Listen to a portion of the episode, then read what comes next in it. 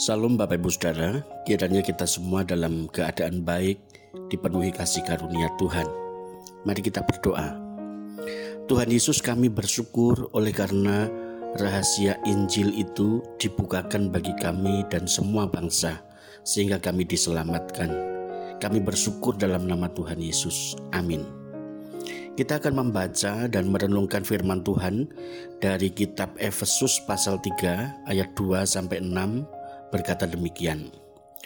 Memang kamu telah mendengar tentang tugas penyelenggaraan kasih karunia Allah yang dipercayakan kepadaku karena kamu, yaitu bagaimana rahasianya dinyatakan kepadaku dengan wahyu, seperti yang telah kutulis di atas dengan singkat.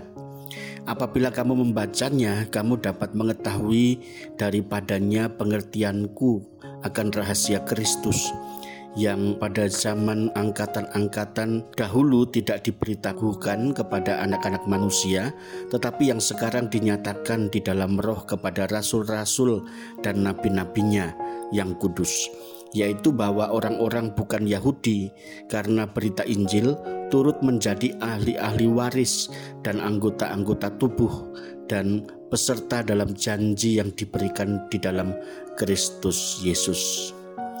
Rahasia besar Injil bagi semua bangsa.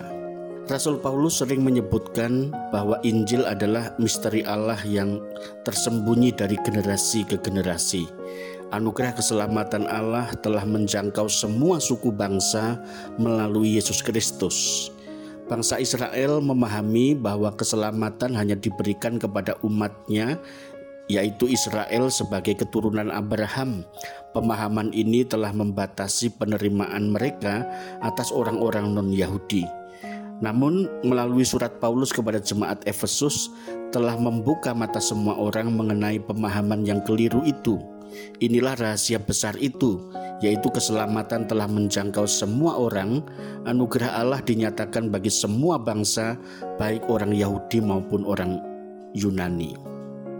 Dalam Efesus 3 ayat 2 sampai 13, Paulus menegaskan bahwa bersama-sama dengan rasul dan nabi lainnya, ia menikmati wawasan yang mendalam tentang rahasia Kristus yang tidak diberitahukan kepada manusia dari generasi ke generasi terdahulu seperti yang telah terjadi. Sekarang telah dinyatakan oleh roh. Kalau kita membaca ayat 4 sampai 5, kemudian ia menceritakan kepada kita isi rahasia ini yaitu bahwa orang-orang bukan Yahudi karena berita Injil turut menjadi ahli-ahli waris dan anggota-anggota tubuh dan peserta dalam janji yang diberikan dalam Kristus Yesus.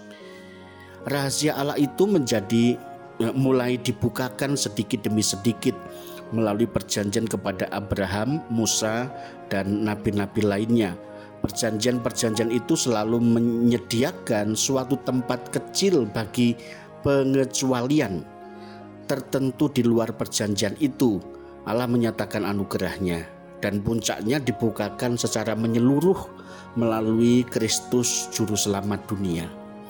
Dengan kedatangan Yesus Kristus, anugerah Allah yang ditujukan dengan cara-cara dalam Alkitab, perjanjian lama menjadi semakin jelas.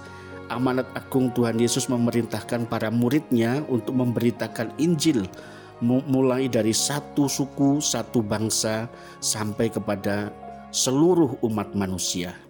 Rahasia yang tersembunyi itu telah disingkapkan secara penuh sehingga Injil kabar baik itu dapat menjangkau semua orang, semua ras, dan melintasi semua peradaban dari zaman ke zaman dan tugas ini kemudian diteruskan kepada kita untuk melanjutkannya dari generasi ke depan. Nah, saudaraku, sudahkah kita mengalami anugerah Allah Injil yang menyelamatkan itu juga kita beritakan kepada orang lain? Mari kita berdoa. Tuhan tolonglah kami supaya anugerah keselamatan yang telah kami terima itu juga memotivasi kami untuk memberitakannya kepada orang lain agar semua orang diselamatkan. Dalam nama Tuhan Yesus kami berdoa. Amin.